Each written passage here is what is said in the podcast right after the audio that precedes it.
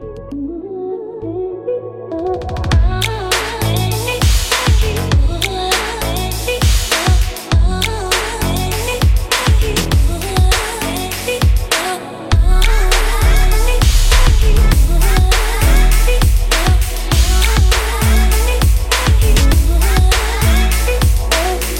er som å treffe en solstråle da jeg hilser på Lone. Hun er rett og slett skikkelig fresh, blid og artig. Hun forteller meg at hun på vei til meg møtte en som sto og solgte en tjeneste på gata.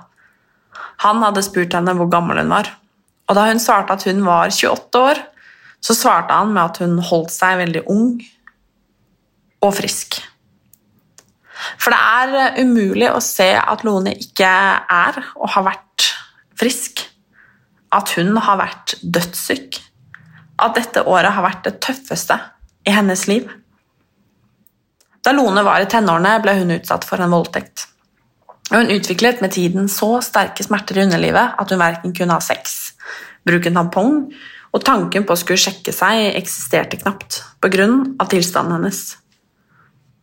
Lone er en av de som venta for lenge med å ta celleprøve.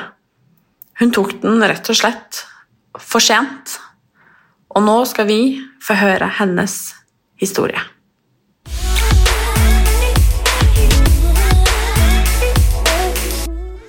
Da jeg var 15-16 år, så var jeg på en fest med mine klassevenninner på videregående. Jeg hadde drukket litt alkohol, Um, kjæresten min var da på besøk til foreldrene sine i Bergen. Uh, så jeg var der kun med venner. Um, kvelden gikk, og vi hadde jo kjempeartig. Um, og så treffer jeg på en gutt som jeg hadde gått på ungdomsskole med. Uh, han prøver seg uh, med å flørte litt og litt sånne ting, og jeg sier at 'beklager, ikke interessert, jeg har kjæreste'. han tar da og holder rundt meg og hånda over skuldra og sier at vi skal gå en tur. Og så sier jeg men jeg vil gjerne holde meg i nærheten. Eh, så vi er i nærheten av festlokalet. Det er jo litt sånn ute på landet, det der, så det er sånn Ja, hva heter det? Sånn festhus. Og vi, eh, vi prater. og det vi alle jenter, unge jenter egentlig kvier eller eh, er mest redd for, eh, skjedde. Det var utafor eh, Det var på en gård utafor stabburet. Så legger han meg ned i bakken og holder meg der. Og voldtar meg. Eh, mens jeg prøver å få ut lyder fra munnen min. Det eneste som kommer ut, er 'jeg vil ikke'. Jeg har kjæreste. Slutt. Men jeg klarer ikke å rope. Det er bare stemmen min er som vanlig, sånn som jeg prater nå. Um, tårene renner, og jeg blir rett og slett litt handlingsramma. Lamma. Jeg klarer ikke å gjøre noen ting. Uh, resten av kvelden har jeg fortrengt. Jeg husker ingenting mer enn det. Og det var Jeg prata vel ikke med noen om det før noen uker etterpå med bestevenninna mi som jeg gikk i klasse med, som var på samme festen. Så det var Og da lurte jo hun på om jeg har anmeldt det, prata med om det til noen andre. Og det, jeg følte jo litt skyld i det sjøl, at jeg, jeg ble jo med når jeg gikk.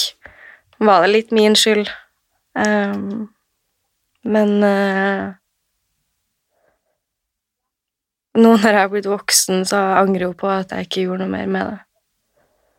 Jeg er fortsatt venn med henne på Facebook, liksom. uh,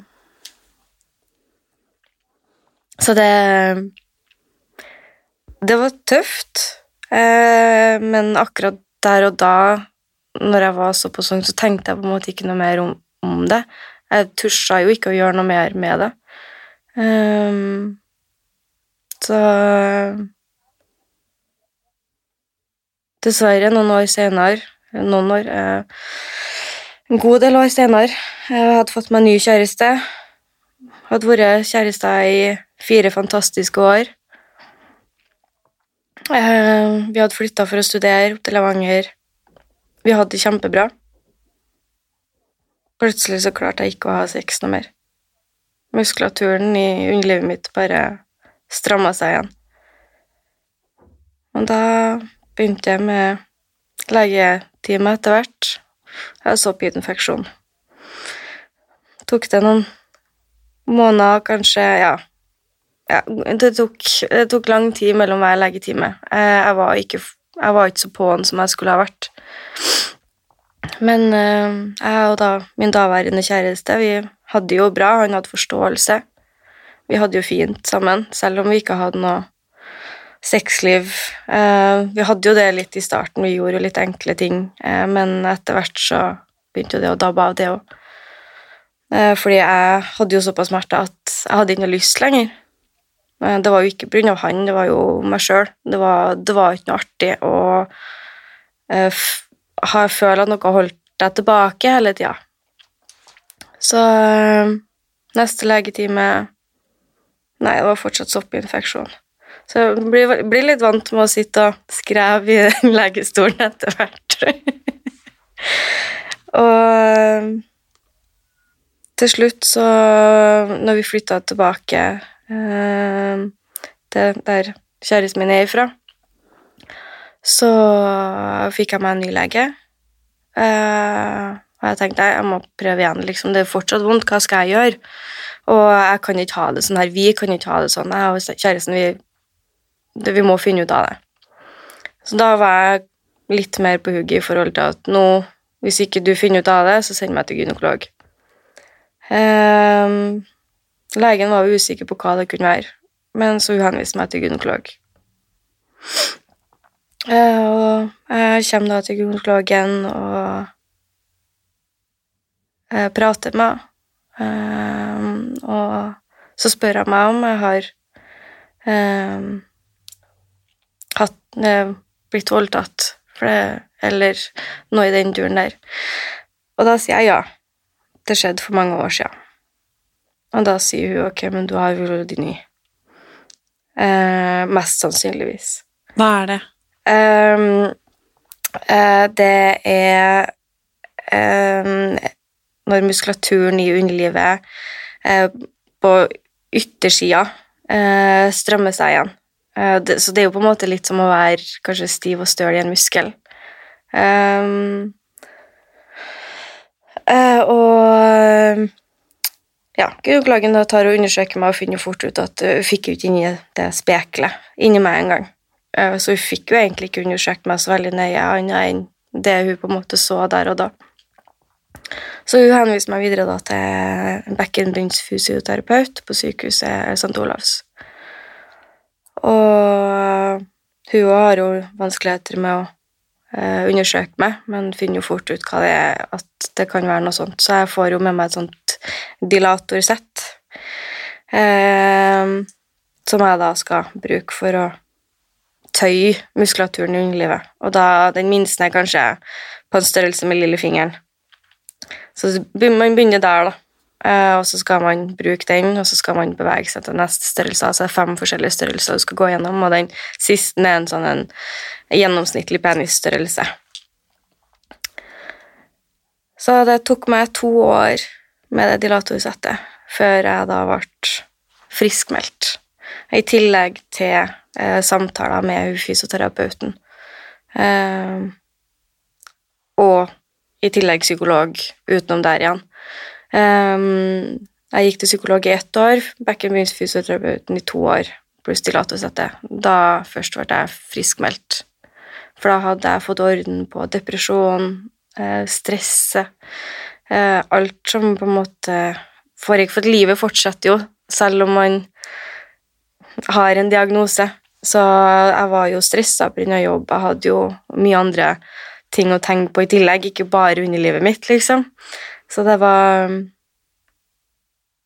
det, ja, det tok to år, og da Det var totalt da um, Da hadde jeg og kjæresten vært i lag i nesten ti år. Så seks av dem var da sexløst. Um, av valg. Eller sånn, eller det var jo egentlig ikke et vårt valg i det hele tatt, sånn sett. Men når jeg da ble friskmeldt, så prøvde vi igjen. Eh, for vi var jo kjærester, vi hadde jo kjøpt oss hus, vi hadde fått i oss katt sammen. Vi hadde liksom noe, vi hadde kjøpt bil, livet var liksom på stell. Eh, og vi hadde jo fortsatt bra sammen. Eh, men så, etter vi hadde sex, så begynte jeg å blø fra underlivet.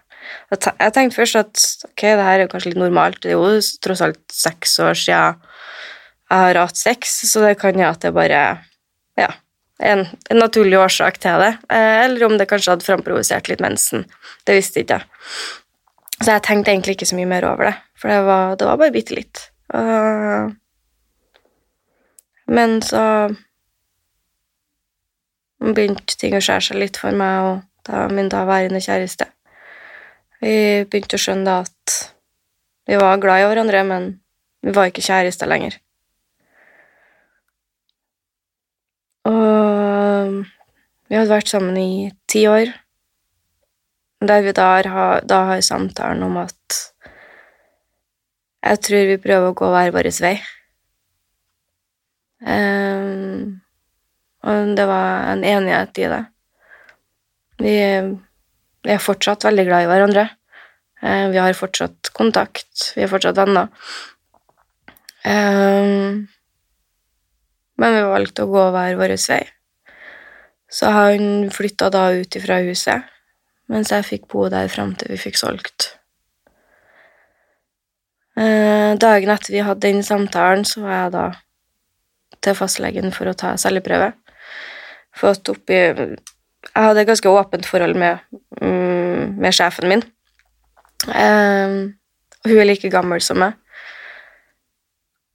Så hun visste om den vulvodyni-diagnosen. Hun visste at jeg eh, hadde gått gjennom den biten der, og at jeg endelig var friskmeldt. Så hun begynte liksom å pushe på meg at Lone, du må ta celleprøven nå. Eh, for jeg var jo tross alt 28. Man bør jo ta den når man er 25. Um, I hvert fall. um, så jeg hadde jo da fått ordna meg time til å ta celleprøven til fastlegen. Og jeg kommer fram til legen, og vi Uh, Og jeg sier jo fra at jeg nylig har blitt friskmeldt fra vulvodyni, og jeg har ikke hatt noen gynekologisk undersøkelse etter det, så jeg er litt usikker på om det her kommer til å gjøre vondt eller ikke. Um, så han beroliga meg veldig og på en måte sa at gjør det vondt, så stopper vi. Uh, så må jeg bare si ifra. Uh, så jeg sitter nå på den stolen, og det går overraskende bra. Jeg Prøve å tenke på alt jeg har lært med fysioterapeuten, med å slappe av og puste teknikk og hele den biten der. Og, mm, og så tar han jo den da celleprøven, og så sier han til meg at eh, du blør litt, så det kan hende at vi ikke får sendt i vei den celleprøven her. Eh, men jeg skal henvise deg til en gynekolog som kan ta den. Eh, og da ligger han her og bare Ok, greit. Uh, han uh, tar da ut spekelet uh, og legger det på tralla ved siden av. Og jeg ser at det, det, det er blod. Det er tydelig blod. og så reiser han seg opp og sier at han må hente papir, for jeg hadde, jeg hadde jo blødd litt. Og at jeg bare kunne reise meg opp og begynne å kle på meg. Og når jeg da reiser meg opp og ser ned på gulvet, så jeg tuller ikke, det var kanskje en sånn her blodpøl. Sånn ja, 20 cm i omkrets, typ. 15-20 cm. Så det var jo et sjokk, for han sa jo at det hadde blødd litt, og det der var jo Det var jo litt smålig grotesk, det, egentlig. Eh, så jeg tar jo litt sats og hopper av stolen for å ikke lande i blodet. Jeg får papir fra legen for å tørke av det siste blodet, og jeg begynner å kle på meg. Og så sier jeg at ja, men er det vanlig å blø såpass mye? Så han bare Nei, det er kanskje ikke normalt, men det er vanlig at man blør lite grann, da. Men jeg skal henvise deg til en gynekolog. Um, og da sier jeg ok. Um, Og han går ifra legetimen og tenker at ja, det her var sikkert bare normalt. Litt stressa av det, det kjente jeg at jeg var, så jeg ringte jo mamma, jeg ringte søstrene mine. Og liksom Ja, men det er normalt å blø litt, sier jeg. Jeg bare ok, greit. Men da var det normalt. Um, men når jeg kommer hjem, så finner jeg ut at jeg fortsatt blør. Um, det har ikke gått over. Så jeg bare Så ringer mamma igjen, så hun bare Nei, men det har sikkert bare framprovosert menstruasjon. Så jeg bare, ok, greit, for jeg hadde Jeg hadde mensen to, nei, ei uke tidligere, så jeg skulle jo egentlig ikke ha det på to-tre uker. Så mamma bare Nei, men det er sikkert bare framprovosert, eller noe sånt. Jeg bare ok, greit. Og så slutta jeg Nei, og så dagen etterpå så gikk jeg på jobb, og det fortsatte å blø. tenkte jeg, ok, ja, da er det helt sikkert mensen. Uh, men så kjenner jeg det er liksom noe inni meg som sier at det her er ikke normalt. Uh, men så blir jeg Ja, så når jeg er ferdig på jobb, så er det for seint å ringe legen, så jeg ringer legevakta. Han syntes det var litt bekymringsverdig, men hvis jeg ikke slutta å blø innen tre timer, så måtte jeg ringe på nytt. Så tenkte jeg ok, greit, ja, men da venter jeg de tre timene. Eh, Og jeg skulle egentlig da besøke en venninne, men da avlyst, for at jeg ville jo gjerne holde meg hjemme når det der skjedde. Og da så slutta jeg å blø den fredagen. Og tenkte ok, ja, men så bra. Da var det sikkert bare. det var bare litt blod. Og så drar jeg på shopping med venninna mi dagen etterpå, og ja, det er ikke noe smerter, ingenting, ikke blod, ingenting. Og vi koser oss, og vi skal hjem til meg og lage middag. Sitter vi på bussen, og så kjenner jeg at Ok, hva som skjedde nå? Vi, vi kjenner jo litt når vi får mensen, så det, det kjennes. Eh, da vi var Da var vi jo egentlig nesten hjem, Um, og jeg springer på do med en gang jeg kommer inn døra og ser at jeg har jo blødd gjennom truseinnlegget og dongeribuksa mi. Uh, og blir jo litt sånn bekymra og sier det til venninna mi. Så hun bare ja, men jeg bruker å blø mer på, på ettermiddag, kveld enn det jeg gjør på morgenen og dagen. Så ja. Så jeg bare ja, kanskje det er det. At det, at det fortsatt er mensen, er bare at det var litt periodevis. Eh, men så blødde ikke jeg noe mer den kvelden. Det var det med det. Um, og så våkna jeg opp på søndagen, og det samme skjer i løpet av søndagen. Uh, og mandagen. Og på tirsdagen så er jeg på jobb igjen, og jeg tenker at vet du hva, det, og sjefen sier til meg at Lone, det her er ikke normalt, du må ringe legen igjen. Og jeg ringer legen, får time ned på St. Olavs på gynekologisk avdeling. Eh, så jeg er ferdig fra jobb. Jeg møter opp der og har da jordmor som undersøker meg. Eh, Jordmora er litt usikker på hva hun ser, og om hun tar celleprøven rett, så hun får ei anna lege til å komme. Eh, De tok da en ny celleprøve, eh, biopsi av livmorhalsen, eh, innvendig ultralyd og rett og slett bare ser oppi her. De sier at det ser normalt ut, men at jeg blør ved lett berøring. Da. Eh, og at det kommer til å ta ca. to uker før jeg får svar på prøvene. Um, og, og så fikk jeg noen sånne tabletter som skulle stoppe blødninga. Og ehm, jeg kommer nå hjem og ja, drar på jobb onsdagen, og så skal jeg på jobb igjen på torsdagen. Og så får jeg se at jeg får telefon fra sykehuset, så jeg går bak på lageret og tar telefonen. Og da sier legen til meg at de har fått svar på prøvene mine allerede. Og de hadde funnet celleforandringer og kreftceller. Eh,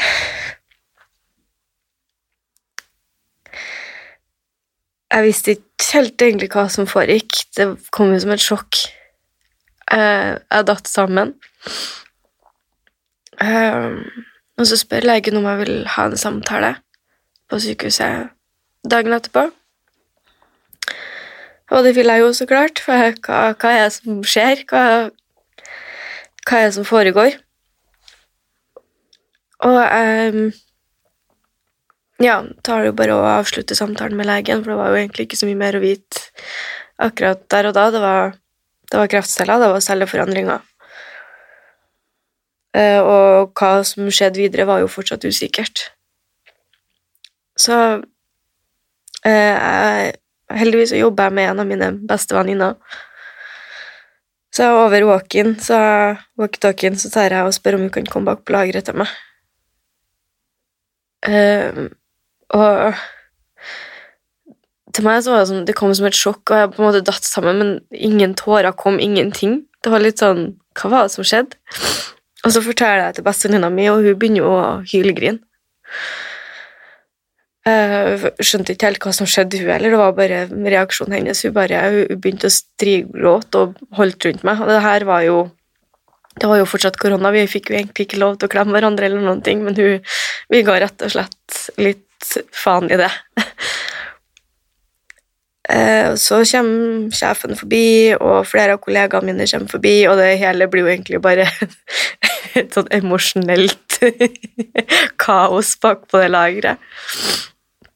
Eh, sjefen sender meg hjem og sier at eh, ta de telefonene du trenger å ta til Og ja, du, du skal ikke jobbe noe mer i dag. det er ikke noe vits for deg. og eh, jeg ringer mamma, og mamma bare Ja, er det godarta eller ondarta?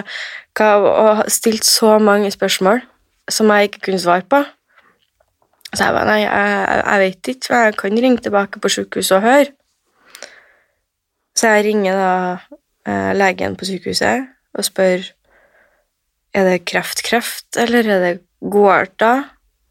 Og hun bare det er kreft, noenarta kreftceller. Du har fått påvist livmorhalskreft. Og når hun sa livmorhalskreft, for det sa, sa ikke jeg i den første telefonsamtalen, da var jeg litt sånn Hæ? Tuller du med meg nå? Og så, Å få den beskjeden over telefonen er jo én ting, jeg skulle jo helst ha vært der, men å fått den ja, 'Lone, du må komme ned på St. Olavs nå', det hadde egentlig gjort det enda verre, tror jeg. Så jeg er glad for at de sa det på telefonen, og at jeg fikk vite det med en gang, så slipper jeg på en måte å pines. Um, og jeg ringer da tilbake til mamma og sier at jeg, jeg har fått livmorhalskreft. Og mamma og reaksjonen som alle andre begynner å skrike. Og jeg sitter jo der da med tørre øyne og mo i knærne, egentlig bare. Det var, det var det hele. Det var min reaksjon. Uh, og ja, resten av den dagen er egentlig litt sånn blur. Men så drar jeg til legen på sykehuset dagen etterpå og har en samtale om da hva som skal skje videre. Og da setter jeg opp da time til MR, CT, PET-scan og en gynekologisk undersøkelse i narkose. Um, og det der var vært en av mine hektiske uker jeg kan huske på at jeg har hatt i hele mitt liv. Eh, For etter den samtalen jeg og ekskjæresten min hadde, så tok jeg jo en telefon og ringte venner og familie og sa at vi har gjort det slutt. Etter ti år. Eh, Mamma er helt knust, pappa er helt knust, for de var jo så glad i ham. Mamma begynte jo å prate med søstrene mine. ok, men hva skal vi gjøre nå for å få dem sammen igjen? um, så det var det var, det var så tungt å ta den telefonsamtalen, og så ei uke etterpå måtte jeg ta en ny telefonrunde til mine nærmeste venner og familie og si at jeg har fått påvist livmorhalskreft. Har ikke gjort det for å sjekke det. Um, folk syntes jo det var litt sånn surrealistisk. Jeg er jo bare 28 år. Og vi visste jo ikke omfanget um, på det i det hele tatt. Og ja, jeg drar nå på undersøkelsene det her var jo midt i påska, så det tok jo litt lang tid. Men samtidig så gikk det veldig fort. Jeg husker ikke helt rekkefølgen, men det var, det var vel en CT, og så var det MR, og så var det den PET-scan. Og den PET-scan, da får du det radioaktive stoffet i kroppen. Og jeg ligger jo på en sånn seng. Jeg får ikke lov å være borti telefonen min eller noe før jeg skal inn og ta den screeninga. Og blir ferdig med det og får liksom beskjed om det. Da så holder jeg holder litt avstand til barn og eldre for at jeg er radioaktiv. og da med min golgen humor så setter jeg da Radioactive med Imagine Dragons på ørene når jeg går ut derfra. Eh, så det bare Jeg, jeg vet ikke helt hvorfor. Det var, det, det var så treffende. Det var det sånn, Er én gang du kan spille den sangen, så er det i hvert fall da. Eh, men jeg grua meg veldig mye til den gynekologiske undersøkelsen, for da skulle jeg i narkose. Det var første gangen i narkose. Jeg har jo aldri vært sånn spesielt mye syk i mitt til, sånn tidligere i livet. Jeg har kanskje fått en halsbetennelse eller to, men aldri brekt et eneste bein. Ingenting. Så å gå gjennom alt det her var jo litt sånn Hæ? Litt sånn sjokk, egentlig. Eh, så når jeg da skulle i den gynekologiske undersøkelsen, så ble jeg jo da innlagt på sykehuset for den dagen, da heldigvis ikke så mye lenger enn det. Og ble putta i narkose. Da husker jeg Eller jeg var litt usikker på om det var når jeg skulle ta undersøkelsen Nei, det var når operasjonen, det. For hun sa liksom For jeg fikk jo litt sånn eh, Hva hadde mamma kalt det, da? Det var noe sånn Nei, det, det er i hvert fall noe Du får noe som får deg til å føle deg veldig glad. Eh, eh, før du går i den narkosen. Eh, så jeg hadde jo latterkrampe når jeg sovna. Eller ja, mens ja, idet jeg skulle sovne, så holdt jeg på å flire meg i hjel. og ja, undersøkelsen var nå ferdig, og litt sånne ting, og da fikk de jo faktisk se omfanget av det. Har fått verken CTMR eller PET-skanninga hadde funnet noe spredning, eh, og de hadde en anelse om hvordan svulsten så ut. Men eh, den undersøkelsen eh, viste at svulsten var større enn det de trodde. For den lå, den lå på enden av livmorhalsen, og så hadde den på en måte vokst seg innunder i bakkant av livmorhalsen. Så den var litt vanskelig å spotte størrelsen på den. Så legen sa vel at den var kanskje sånn 2,4 i størrelse, da, centimeter i størrelse. Uh, og de var veldig usikre på om jeg da skulle gå gjennom operasjon. Uh, om jeg skulle få cellegift eller om strålebehandling. Uh, så det tok noen dager før de fant ut hva de ville gjøre med meg, for jeg er jo fortsatt ung, og de vil jo fortsatt gi meg muligheten til at jeg kan få barn. men med tanke på størrelsen på svulsten, så hadde ikke jeg så mye annet valg enn å gå gjennom operasjonen med å fjerne livmora, livmorhalsen, egglederne eh, og lymfeknuter. Så eh, når jeg våkna ifra den narkosen, så sier jo legen til meg at at jeg mest sannsynlig kommer til å miste muligheten til å få barn. Uh, en uke etter den undersøkelsen så får jeg operasjon. Um, det var faktisk ekskjæresten som kjørte meg til sykehuset den dagen. Uh, og uh, På grunn av korona så var det ikke Uh, er ikke alltid så lett å på en måte Det var ikke så lett å ha så mye folk med seg. Uh, uansett så følte jeg at det var kanskje ikke helt appropriate at han ble med inn. Uh, så jeg ligger da i senga alene. Uh, blir forberedt på operasjon. Um, og operasjonen er da et keisersnitt uh, rett over hårlinja. Eh, De visste ikke om de skulle ta det vertikalt eller vannrett uh, når jeg før operasjonen. Eh, Så jeg var litt usikker på om jeg kommer til å våkne opp med et arr fra navlen og ned, eller en liten smiley over hårlinja. Og det gruer jeg meg litt til, da. For det, det er jo ikke et lite arr du får. Um, jeg blir kjørt ned til operasjonssalen og blir omringa av så mange hyggelige damer eh, som prøver å muntre meg opp. Um, og det er jo en ganske Det er jo som å ta et keisersnitt, bare at de faktisk fjerner innvollene mine. um, så jeg får da epidural i ryggen. Eh, og jeg får det, sprøyta som gjør meg glad.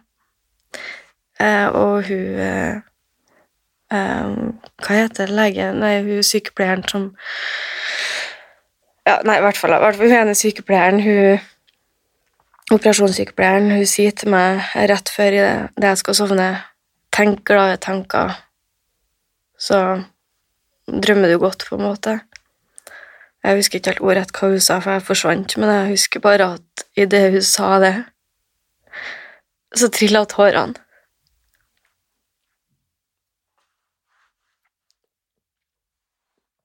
Det var Det var vel akkurat i det øyeblikket det gikk opp for meg at når jeg våkner opp nå, så kommer jeg aldri til å klare å bære fra mine egne barn.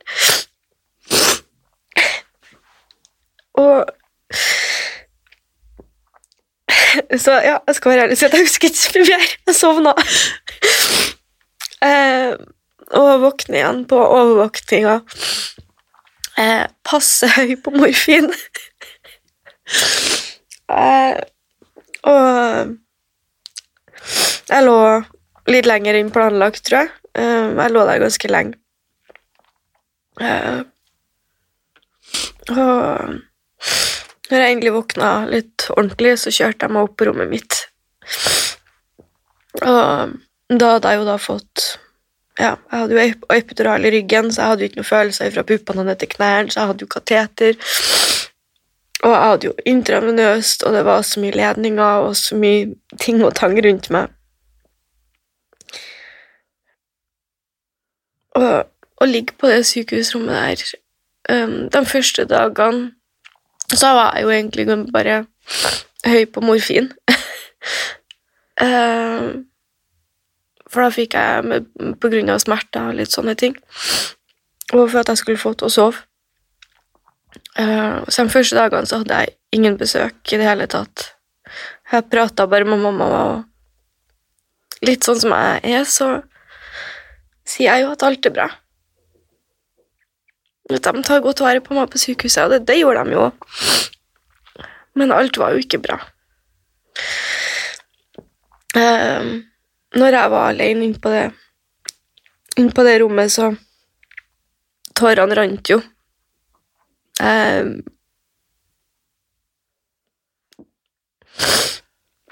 det var på en måte Jeg hadde ikke bearbeida det noe før operasjonen, så jeg fikk liksom alt litt sånn slengt i trynet etterpå. At nå er det faktisk for seint. Men jeg har jo ikke kunnet gjort noe annerledes. Jeg kan jo ikke begynne å tenke på at åh, jeg skulle ha tatt den celleprøven tidligere. Ja, men jeg hadde ikke muligheten til det. Kroppen min fikk ikke til. Så jeg kan ikke begynne å tenke på hva hvis eh, Om jeg hadde gjort noe annerledes. Eh, jeg kan ikke bli sur av at jeg ble voldtatt, og det forårsaker altså det, det er så mye tanker som går i hodet ditt, at at til slutt så må du bare si at vet du hva, det er ikke noe du, jeg kunne ha gjort annerledes. Jeg gjorde det beste jeg kunne, og jeg lytta til kroppen min. Ehm, den første jeg får besøk av, er jo ekskjæresten min. Eh, og han Han er vel egentlig det. Han har jo vært min person i de ti siste årene, så han kan jo se alt på meg. Så han ser jo da at jeg ikke har det noe bra. Så han gjør jo det beste han kan for å få meg i bedre humør. Um, og vi prater, og, og har det egentlig ganske hyggelig. I den timen han har lov å være der. Uh, og så ble jeg Ja. Ble jeg for meg sjøl igjen da med sykepleierne. Og jeg satt så mye på telefonen at den sto nesten konstant på lading. Eh, det og ja Jeg tror jeg, jeg lå jo på sykehuset i fem, fem dager, mandag til mandag. Eh, og søstera mi kom på besøk. Bestevenninna mi kom på besøk. Jeg hadde jo litt. Og men så begynte på en måte, når dagene gikk, da, så var det litt mer sånn Jeg, trodde, er sånn, jeg, jeg tenkte litt på at er det her reaksjonen min? For jeg hadde ikke på en måte hatt noe sånn breakdown. Hadde ikke jeg. Um, Annet enn bare sånne små femminutter der jeg bare plutselig liksom Jeg hadde noe i kroppen min som hadde lyst til å drepe meg. Som hadde lyst til å ta livet mitt, liksom. Og det er en ekkel tanke. At din egen kropp prøver å gjøre noe sånt med deg. Um, så det Jeg hadde liksom aldri hatt noen sånn ordentlig reaksjon på det hele. Det var litt, sånn, litt tårer og sånn, men aldri en sånn ordentlig breakdown. Så mamma og sykepleierne beroliga meg at ja, men det kan jo at det er bare sånn her du reagerer, for alle reagerer jo forskjellig. Så tenkte jeg ok, greit, det, det, er vel sikkert det, da. Det er sånn her jeg er. Jeg har galgenhumor, jeg lever på den. Um, og ja. Og så når jeg, de tar ut epiduralen min og kateter og sånne ting, og jeg skal da tilbake til virkeligheten. Trodde jeg. um, noen uker etter at jeg ble sendt hjem fra sykehuset, for de hadde jo fjerna sånn 18 lymfeknuter uh, under operasjonen Uh, og de hadde jo sendt den ene, den som på en måte ser verst ut, den hadde de sendt på en sånn test. Hadde det vist seg at det var spredning i lymfeknutene, så hadde ikke de gått gjennom operasjonen i det hele tatt. Da hadde de begynt rett på cellegift og strålebehandling i stedet. Men det var ikke noe spredning.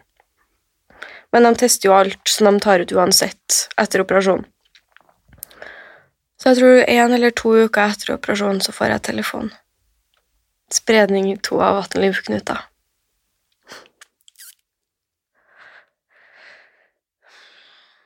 Og da var det jo tilbake på sykehuset, da, for å planlegge videre behandling.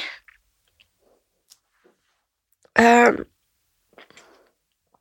hadde jo et håp om at jeg var ferdig, om at operasjonen var nok for at bare operasjonen var et helvete. Uh, man tror jo liksom da at ja, men det er bare en operasjon. Jeg hadde jo komplikasjoner etter det òg. Um, ehm, etter kateteret så fikk jeg jo ikke til å gå og tisse sjøl engang, så jeg måtte jo lære meg å kateterisere meg sjøl for å få tømt blæra. For, for gjør ikke jeg det, så kommer jeg jo til å få UVI eller nyrebekkenbetennelser eh, Det kan skade nyrene. Um, så det tok jo meg to uker før jeg klarte å gå på do og tisse sjøl ordentlig. Etter operasjon. Og de fleste tar det bare et par dager. Men ja, det var ingen som hadde forberedt meg på akkurat den biten der, da, at det kunne ta så lang tid. Eh, så det var jo et sjokk. Så jeg lærte veldig mye om min egen kropp de, de ukene der, for å si det sånn. Um, så det er en liten sånn fun fact. Jeg kan jo kattetrisere meg sjøl. da jeg flira litt da når jeg fikk lære meg det der, så sa jeg til sykepleieren ja, men denne her er jo perfekt å ha med seg på festival. Du flira bare. ja, men jeg fant ut at det er litt uhygienisk, så det, nei, det er ikke optimalt å ta med seg dem på festival. Uh, så var nå Ja. Uh, så det tok nå litt tid, egentlig, før vi fikk satt i gang uh, planen med strålebehandlinga og cellegifta. Når vi først setter i gang, så er det har jeg begge deler på samme dag. Eh, men før jeg begynner med det, så får jeg jo nyrebetennelse og blir innlagt på sykehuset i nesten ei uke. Eh, med antibiotika intravenøst og sånne ting. Eh, selve sånn, Jeg følte meg på en måte frisk. Jeg hadde egentlig ikke mye feber, men jeg la merke til det, for jeg går jo med smartklokke, så jeg merka det når jeg gikk opp trappa hjem, så hadde jeg plutselig en puls på 132. Og det er ikke normalt å ha en så høy puls når du bare går opp en trapp. Så det var jo sånn jeg fant ut at jeg var dårlig. Eh, og jeg hadde jo egentlig ikke noe annet Det gjorde ikke noe vondt når jeg var på do, ingenting, så jeg hadde ikke noe symptomer i det hele tatt. Så det var bare tilfeldig at jeg kjente at jeg var dårlig. Så da ble jeg lagt inn på sykehuset. Og så, før sånn strålebehandling sånn, så må man ta en CT, og så må man finne ut hvor strålinga skal gå, og så må jeg ligge akkurat likeens hver eneste gang. Så jeg fikk tre sånne permanent makeup-tatoveringer, én på hver hofte og én på midten. Og da skal jeg ligge akkurat likeens hver gang. Så mens jeg var innlagt, så gjorde de jo det, og tok bilder av meg av området. Og da var det bare å sette i gang med strålebehandlinga og cellegifta. Og jeg får første dose med cellegift eh, og masse intravenøst og sitter sammen med verdens hyggeligste dame på samme rom. Og vi prater, og vi har funnet ut at vi begge to har litt den samme galgenhumoren. Eh, så vi har det jo egentlig artig der vi sitter begge to og får vår første dose med cellegift. Eh, for min del så var det en veldig mild dose. Jeg fikk beskjed av legene om at jeg kom ikke til å miste håret, og ingenting sånt. Men at jeg kunne jo få noe av de andre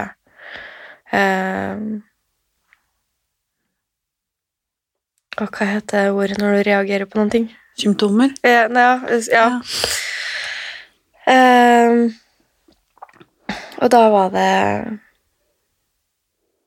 Ja, så jeg kunne få det, da.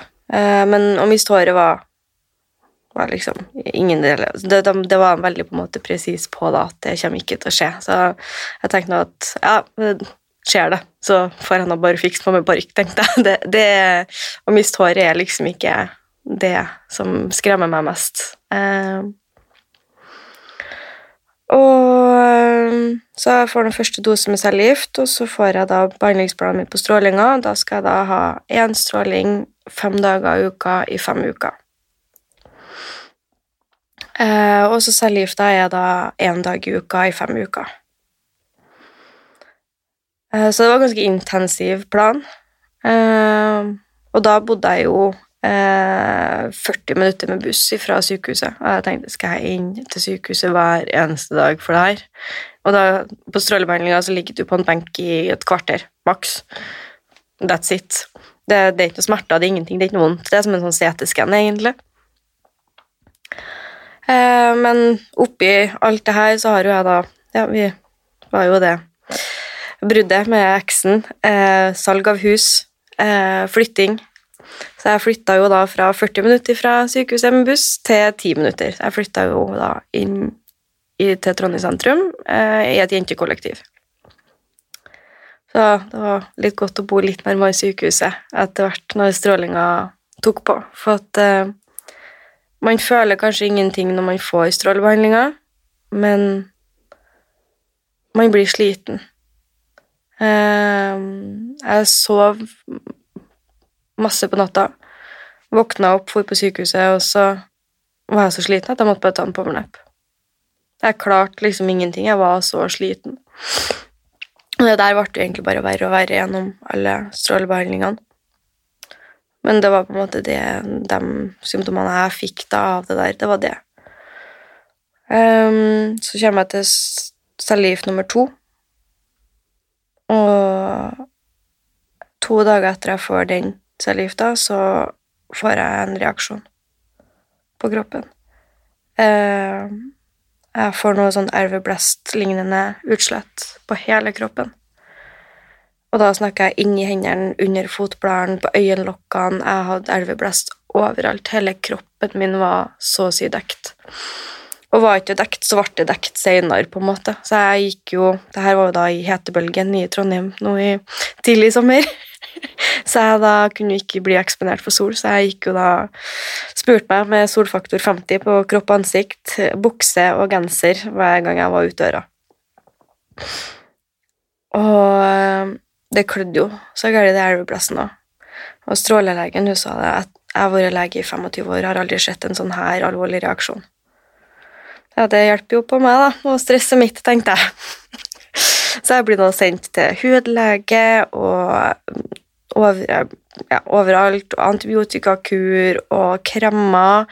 Jeg har brukt så mye penger på bodylotion og kremmer og klø... antiklømiddel og sånne ting at det er grusomt. Uh, heldigvis så fikk jeg noe på resept òg, men det er mye som jeg ikke fikk det på.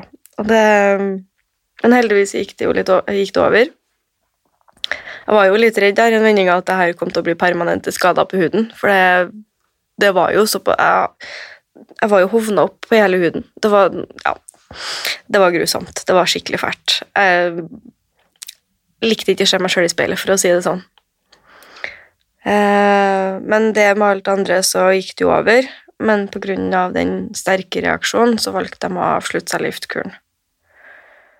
Eh, men jeg fortsatte med strålebehandlinga. For at, ja, det glemte jeg å si. Eneste plassen jeg ikke hadde Aeroblast, var der jeg fikk stråling. For det er jo antiinflamatorisk. antiinflammatorisk. Så jeg sa det, jeg skulle jo gjerne ha fått stråling over hele kroppen, men det sa legen nei til. um, men den største frykta mi på en måte i den strålebehandlinga var jo det at um, For jeg hadde jo snakka litt på forhånd om at stråle, strålinga kunne treffe eggstokkene, og ved at de gjorde det, så blir jo da eggene dårlige. Eh, og jeg kommer da til å i, komme i overgangsalder. Og jeg kommer da ikke til å kan hente ut egg til en senere anledning for å fryse dem ned. Jeg, det er jo ikke lov i Norge siden jeg ikke kan bære fra mine egne barn, men jeg kunne ha gjort det i eventuelt Danmark. Um, så den, når de opererte meg, så tok de jo heisa opp eggstokkene i, i, et håp om å, redde dem. Um, men så spør jeg etter et par strålebehandlinger om blir de berørt. Uh, og det ble de, dessverre. Uh, den ene eggstokken hadde falt ned i lomma til ene lomfeknuten og var midt i strålefeltet.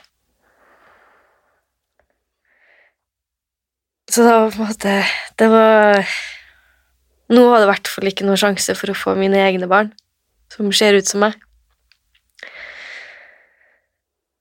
Så jeg var jo på en måte litt forberedt på det, men det blir på en måte litt sånn Du har et håp.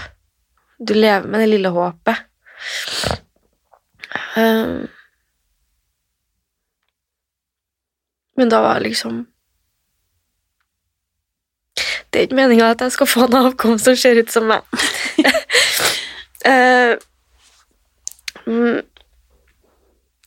så jeg har jo egentlig bearbeida det men allikevel sånn Det er kjedelig. Så jeg fortsetter nå med strålebehandlinga og blir ferdig med det. Eh, og når jeg er ferdig med det, så er det ene legen på sykehuset som ringer meg og sier at jeg skal begynne med østrogenplaster. Eller østrogen, da, få det. Siden da eggstokkene slutter mest sannsynlig å produsere det etter hvert. Så nå går jeg på sånn plaster som er da rent østrogen, for å slippe å komme i den overgangsalderen i en alder av 28.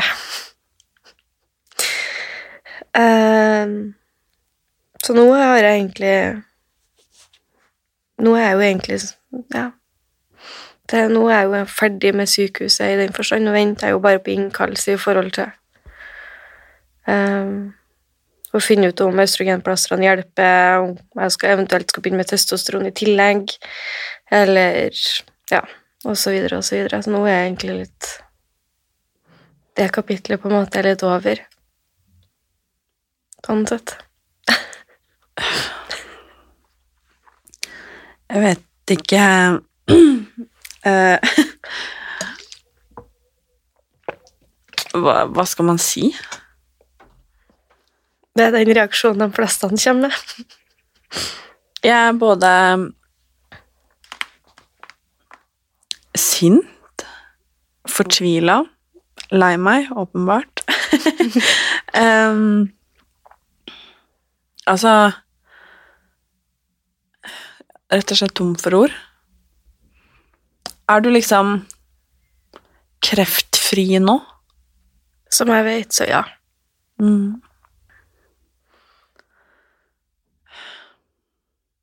De sa det um, Etter uh, operasjonen så sa de at det var 90% Prognosen var da 90 for at jeg kom til å bli frisk fra kreften. Men det var jo før de fant ut at det var spredning. Eh, og den cellegifta var jo egentlig bare en sånn en just in case. Så det var jo på en måte strålebehandlinga som på en måte var den etterbehandlinga i forhold til um, spredninga. Så jeg har ikke hørt noe mer fra sykehuset. Jeg venter egentlig bare på innkallelse, så Ja, jeg vet ikke om jeg, kommer, om jeg har den Om jeg kan si at jeg er kreftfri før jeg hører det fra noen av legene, egentlig. Det tør ikke jeg å si. Jeg er bare så veldig, veldig glad og takknemlig for at til tross for at du står egentlig midt oppi det nå, at det skjedde for fem minutter siden, at du makter da å sitte her og fortelle eh, oss og meg Um, og den derre viktigheten av å faktisk sjekke seg. Mm. Um, jeg har jo selv lært hvor viktig det er. Og jeg tror det er så lett å tenke at nei, men det gjelder ikke meg. Det er akkurat den tanken jeg hadde. At nei, men herregud, jeg er jo frisk. Jeg er jo Nei, nei, jeg er jo så ung. Og så sitter man der, da. Mm. Og det er i hvert fall ikke en risk jeg er villig til å ta. For det er jo Det er snakk om livet, liksom. Mm. Og det er jo altfor fint til ikke gå og sjekke seg. Det er det. det Jeg vil virkelig ikke at noen andre skal gå gjennom det samme som meg. Og oppi det hele, når jeg gikk med Eller hadde strålebehandlinga, eh, og jeg holdt på å flytte, jeg holdt på å solge hus Strålelegen sa det jo til meg Lone, du må passe på deg sjøl. Det er flere i din situasjon som er innlagt på sjukehuset akkurat nå. Og det er kjempefint at du føler deg såpass sprek til å begynne å tenke på tanken på å trene og flytte og alt det du har vært igjennom. Det er kjempefint, men husk å ta vare på de gode dagene. Når du har en god dag, ikke tenk på at du skal vaske huset. Ikke gjør sånne ting. Har du gode dager, så gjør det beste ut av det. Vær med dem som, som føler, får deg til å føle deg bra. Og gjør ting som får deg til å føle deg bra. For de dårlige dagene, de kommer. Og det har de jo definitivt de, Det har de jo så klart gjort, da. Jeg har bare ligget på de senga, og jeg har ikke klart å gjort noen ting annet enn å gå ned på kjøkkenet og smøre med en brødskive eller spise cornflakes, liksom, og så tilbake i senga igjen. Så de dårlige dagene, de kommer. Men etter at jeg flytta sammen med de jentene jeg bor med nå, og har hatt de bra dagene Vi har vært spontane, vi har dratt på ridetur bortover Skansen i Trondheim i solnedgangen og bare kosa oss og nattbada og bare hadde det gøy. Og det er sånne opplevelser jeg har lyst til å fortsette å ta med meg videre. Og det er sånne ting jeg sitter igjen med nå. Hvorfor har ikke jeg gjort det her før? Må jeg være på randen til å miste livet før jeg liksom, det går opp et lys at det er sånne ting jeg har lyst til å fylle dagene mine med? Og, så det Nei, nei det, det er ikke det. Man skal ikke få en sånn beskjed før man skal kan kunne leve livet sitt. da. Det er det man vil, og gjøre det man vil. Jeg er helt enig. Hver dag teller. Mm. Tusen takk, Lone, for at du har delt med oss, for at du sitter her. Du har klart å kjempe med nebb og klør. Jeg kan ikke forestille meg hva du har vært igjennom, men eh, den respekten jeg har for deg, det Jeg vet ikke hvordan jeg skal sette ord på den heller. Tusen takk for at jeg fikk komme. Takk for at du ville komme. Og jeg ønsker deg alt godt og et eh, langt og fint liv. Og jeg heier på deg av hele mitt hjerte. Takk og i like måte. Jeg krysser fingrene for at alt er godt til deg òg. Takk. Det håper jeg også. Ja.